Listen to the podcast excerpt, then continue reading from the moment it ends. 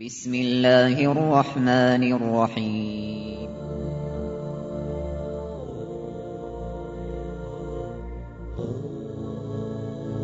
الرحمن العزيز الرحيم القوي السلام الكريم العظيم البصير العليم الحكيم الجبار.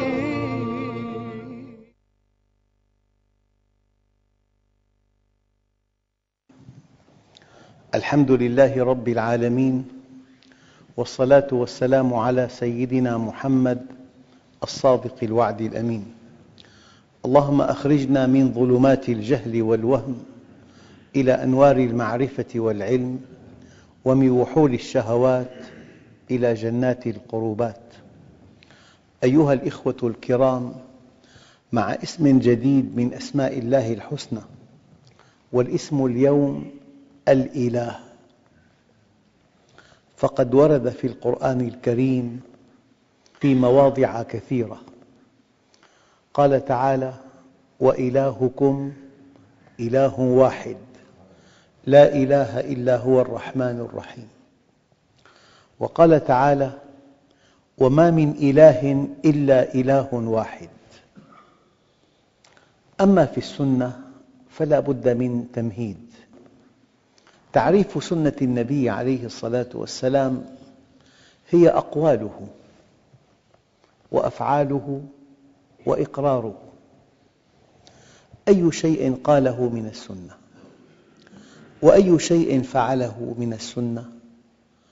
فإذا سمع كلاماً وسكت فهو من السنة لأنه لا يمكن أن يسكت على خطأ. فإذا سكت معنى ذلك أنه أقره. والنبي عليه الصلاة والسلام نقل لأصحابه قول خبيب حينما قتل. بالمناسبة سئل خبيب قبل أن يقتل أتحب أن يكون محمد مكانك؟ وأنت في أهلك؟ وعافيتك. فقال كلمة لا تنسى. قال والله ما أحب أن أكون في أهلي وولدي. وعندي عافية الدنيا ونعيمها. نعيم يعني ورود أزهار بيت واسع بالمقاييس المعاصرة وتكييف وطعام نفيس ومركبة فارهة.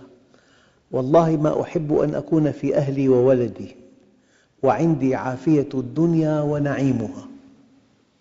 ويصاب رسول الله بشوكة. لذلك قال أبو سفيان ما رأيت أحداً يحب أحداً كحب أصحاب محمد محمداً. أيها الأخوة الكرام الإسلام هو الحب. فإذا ألغي الحب من الإسلام كان جثة هامدة. ألا لا إيمان لمن لا محبة له؟ لأن الله سبحانه وتعالى بين في كتابه الكريم أن أساس العلاقة بين العباد وربهم علاقة حب يحبهم ويحبونه. فلذلك سنة النبي عليه الصلاة والسلام وحي يوحى وما ينطق عن الهوى إن هو إلا وحي يوحى.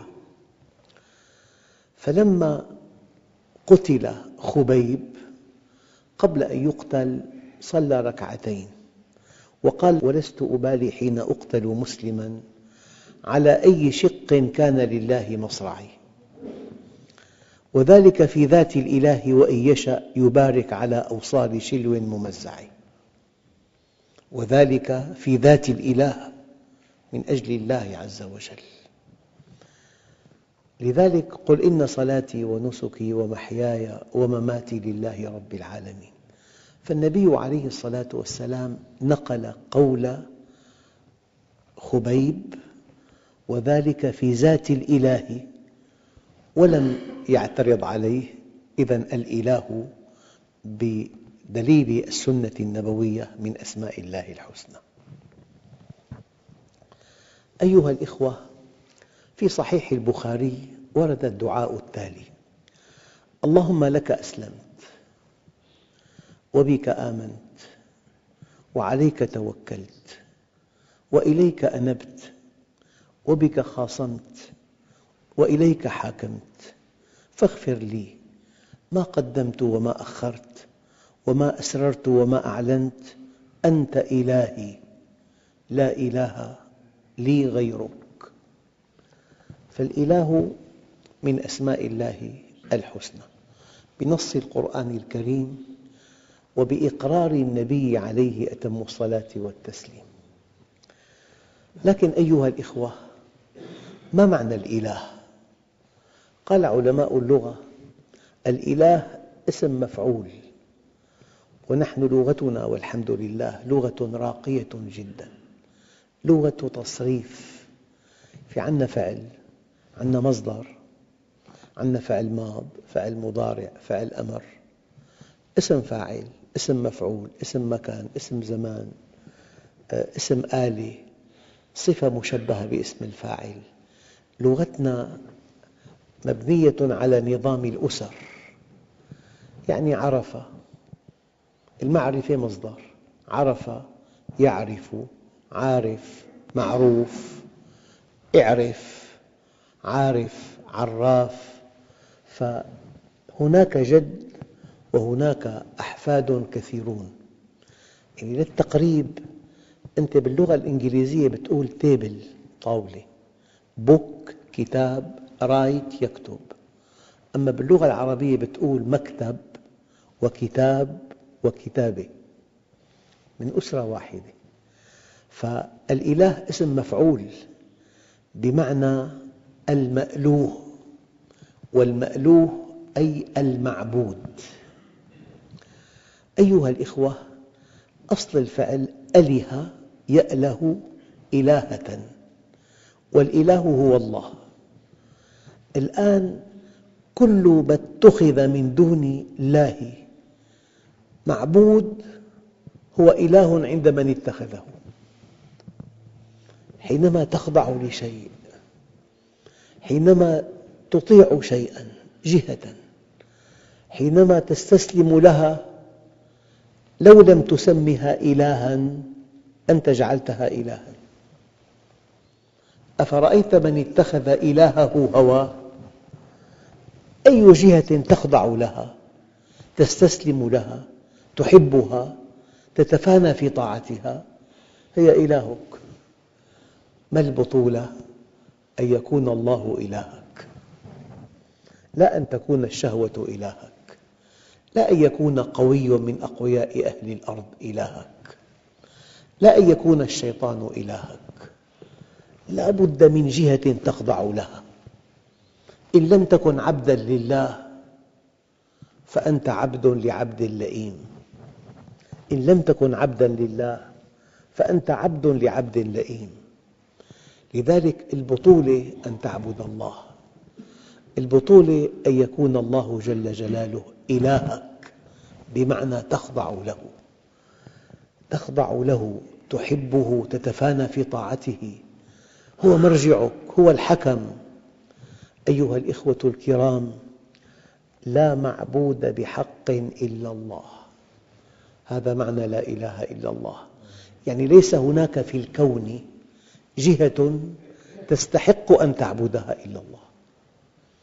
يا أيها الناس اعبدوا ربكم الذي خلقكم. من يستحق العبادة؟ هو الخالق. يا أيها الناس اعبدوا ربكم. من يستحق العبادة؟ هو الرب. من هو الرب؟ الممد. من يمدك بالهواء؟ لو أن آه، اجتماعاً على أعلى مستوى في الأرض ضم كل الدول واتخذ قرار بإنزال الأمطار. هل تنزل الأمطار؟ الذي يمدك بالماء بالهواء يمدك بالنبات بالطعام بالشراب. يا أيها الناس اعبدوا ربكم. الخالق يعبد الرب يعبد. إليه يرجع الأمر كله. اعبد من إليه يرجع الأمر كله. لكل شيء حقيقة وما بلغ عبد حقيقة الإيمان حتى يعلم أن ما أصابه لم يكن ليخطئه وما أخطأه لم يكن ليصيبه. لذلك أيها الإخوة أكاد أقول إن العبادة علة وجودك في الدنيا. علة واحدة للتوضيح. أرسلك والدك إلى بلد غربي لتنال الدكتوراه. إلى باريس مثلا. هالمدينة الكبيرة العملاقة الصاخبة فيها مسارح فيها ملاهي فيها حدائق فيها مكتبات فيها أسواق مترامية الأطراف. وأنت إنسان في هذه المدينة. لو سألناك ما علة وجودك في هذه المدينة؟ لك في هذه المدينة علة واحدة. سبب واحد لبقائك فيها. هدف واحد في هذه المدينة. أن تنال الدكتوراه فلذلك أخطر سؤال تسأله لنفسك. ما علة وجودي في الأرض؟ الناس يتحركون. والليل إذا يغشى والنهار إذا تجلى. وما خلق الذكر والأنثى إن سعيكم لشتى. هذا يسعى لكسب المال. ثم يفاجأ أن المال ليس بشيء عند الموت. واحد جمع 800 مليون من القمار وهو على فراش الموت شعر بالخطر. فطلب أحد من يعمل في الحقل الديني؟ هكذا أقول بالضبط. قال له ماذا أفعل؟ قال له والله لو أنفقتها كلها لا تنجو من عذاب الله. إن سعيكم لشتى حركة. لكن يا ترى الحركة متوافقة مع الهدف لماذا أنا في هنا؟ لماذا أنا في الدنيا؟ هنا السؤال أيها الإخوة هذا السؤال يتضح بالمسألة التالية واحد ذهب إلى باريس ونام في الفندق واستيقظ في صبيحة اليوم الأول وسأل إلى أين أذهب؟ شو السؤال؟ نسأله نحن لماذا أتيت إلى هنا؟ إن أتيت طالباً اذهب إلى المعاهد والجامعات وإن أتيت تاجراً اذهب إلى المعامل والمؤسسات وإن أتيت سائحاً اذهب إلى المقاصف والمتنزهات متى يصح عملك في مكان ما؟ إذا عرفت سر وجودك وغاية وجودك لذلك لا شيء يعلو في حياة الإنسان على معرفة سر وجوده وغاية وجوده. تجد إنسان في أعلى درجات العقل يطلب العلم يبحث عن عمل صالح يرقى به عند الله يربي أولاده تربية صحيحة يتعامل مع الناس وفق منهج الله تماماً. هذا عرف سر وجوده وغاية وجوده. لذلك أنت كائن متحرك ما الذي دفعك إلى الحركة؟ هذه الطاولة لا تتحرك ليس فيها شهوات. ما بتحب طاولة ثانية؟ بمكانها ما بتأكل؟ لا تشرب. ما في عندها طموحات. لو تركتها مئات السنين تبقى على ما هي عليه. أما أنت كائن متحرك لماذا؟ لأن الله أودع فيك حب الطعام والشراب. أودع فيك حاجة إلى الجنس تتزوج. أودع فيك حاجة إلى تأكيد الذات. الحاجات الأساسية الحاجة إلى الطعام للحفاظ على فردك عليك بالذات. والحاجة إلى الجنس للحفاظ على النوع. والحاجة إلى تأكيد الذات للحفاظ على الذكر. هذه الحاجات الثلاث تدفعك إلى الحركة. فأنت كائن متحرك البطولة أن تكتشف ما إذا صحت حركتك أو لم تصح. يعني طالب في عنده امتحان آخر سنة مادة أساسية الامتحان مصيري يبنى على نجاحه تعيينه في منصب. وتأمين دخل وشراء بيت والزواج. التعيين وتأمين بيت والزواج مبنية على نجاحه عنده مادة أساسية أخيرة وأصعب مادة. والامتحان بعد أيام. ما الحركة المناسبة له؟ أن يقبع في بيت وأن يقرأ الكتاب المقرر. لو أن أصدقاءه الخلص أخذوه إلى مكان جميل. مطل على البحر والجبل أخضر والطعام نفيس جدا وهو يحبهم جالس مع أصدقاء يحبهم والمكان جميل والطعام طيب لماذا يشعر بانقباض شديد؟ لأن هذه الحركة لا تتناسب مع الهدف القريب إذا السؤال الثاني أنت متى تسعد؟ تسعد إذا جاءت حركتك متوافقة مع هدفك. اسأل تاجر لا في بيعة ولا في شروة. قاعد طول النهار بهالمحل هاتوا قهوة هاتوا شاي هاتوا مجلة هاتوا جريدة. بتلاقي مسموم بدنه مع أنه مرتاح مرتاح. أنه الراحة ما تتناسب مع هدف المحل التجاري. أما لما بينسى يتغدى من كثرة البيع هو أسعد إنسان. ما بيجلس دقيقة على الواقف من محل لمحل. فلما يكون في بيع شديد يكون في معه تعب شديد يكون التاجر في أسعد لحظاته يكون في راحة تامة واسترخاء وضيافة مستمرة وأصدقاء وصحف ومجلات بتلاقي في أتعس حالاته. لك ما في سوق مسموم. ما في شيء. فمتى تسعد؟ إذا جاءت حركتك موافقة لهدفك. ومتى تشقى؟ إذا جاءت الحركة ليست موافقة لهدفك. الآن السؤال علة وجودنا على وجه الأرض علة وجودنا الوحيدة على وجه الأرض أن نعبده. الدليل وما خلقت الجن والإنس إلا ليعبدون ما العبادة؟ بتعريف مختصر غاية الخضوع لله وغاية الحب. بالتعريف المفصل هي طاعة طوعية ممزوجة بمحبة قلبية. أساسها معرفة يقينية تفضي إلى سعادة أبدية.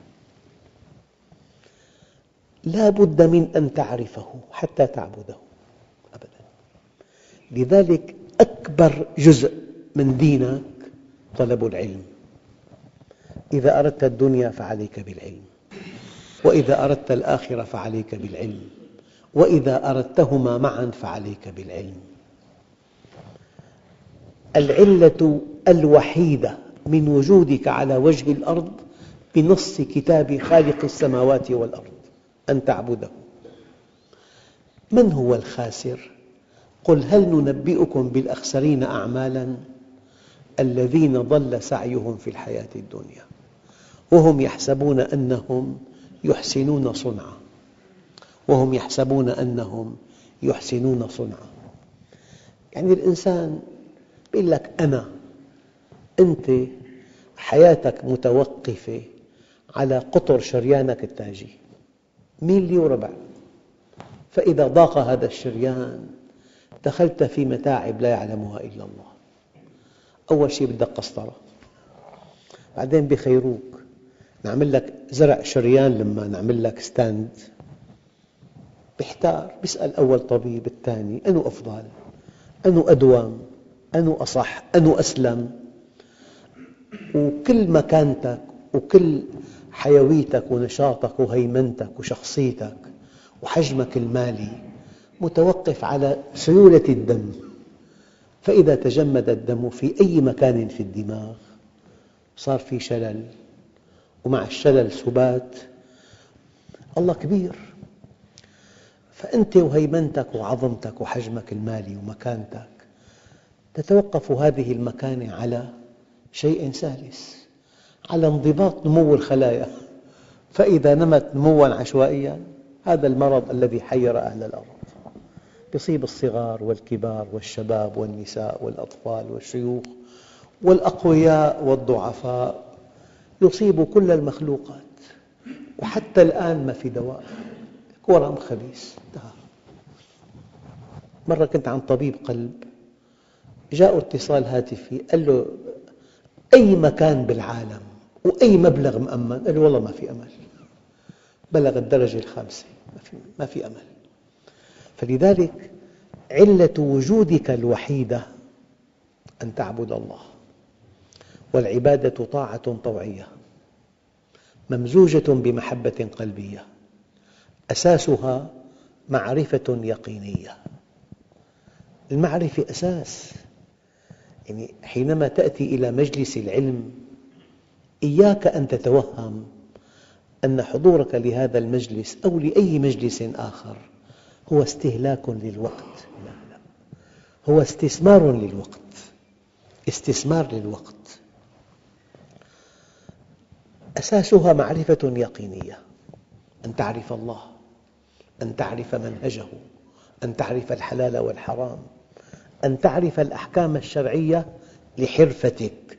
أنت تاجر أحكام البيوع. أنت طبيب أحكام الجعالة طبيب محامي مدرس أحكامه أحكام الجعالة. ليس مطلوبا من الطبيب والمحامي والمدرس إنجاز العمل مطلوب بذل العناية القصوى فقط. يعني كل إنسان له حرفة. أنت متزوج يجب أن تعرف أحكام الزواج حقوق الزوجة واجبات الزوج. فلذلك لا شيء يعلو على معرفة الله ومعرفة منهجه أنت بالكون تعرفه وبالشرع تعبده. إذا معرفة يقينية طاعة طوعية ممزوجة بمحبة قلبية أساسها معرفة يقينية تفضي إلى سعادة أبدية. ادخلوا الجنة بما كنتم تعملون. فأما من أوتي كتابه بيمينه فيقول هاؤم اقرءوا كتابيه إني ظننت أني ملاق حسابية فهو في عيشة راضية في جنة عالية قطوفها دانية كلوا واشربوا هنيئا بما أسلفتم في الأيام الخالية. كلوا واشربوا هنيئا بما أسلفتم في الأيام الخالية. وأما من أوتي كتابه بشماله فيقول يا ليتني لم أوت كتابية ولم أدر ما حسابية.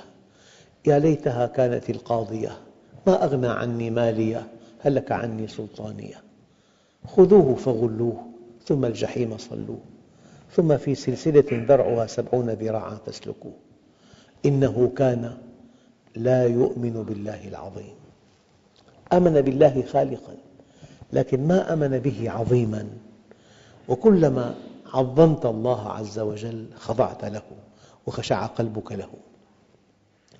إذا ليس هناك من جهة في الكون تستحق أن تعبدها إلا الله. لا معبود بحق إلا الله. معنى لا إله إلا الله. الإله المعبود. أله يأله إلهة. الإله هو الله. الذي يستحق أن تعبده. هو أهل التقوى وأهل المغفرة. لكن بعد أن شرحت معنى العبادة في عنا أنواع للعبادة. في عنا عبادة شعائرية كالصلاة والصوم والحج وعنا عبادة تعاملية. الفكرة الخطيرة أن العبادة الشعائرية لا تصح ولا تقبل إلا إذا صحت العبادة التعاملية. يعني ترك دانق من حرام خير من ثمانين حجة بعد الإسلام. والنبي سأل أصحابه من المفلس؟ قالوا من لا درهم له ولا متاع. قال لا.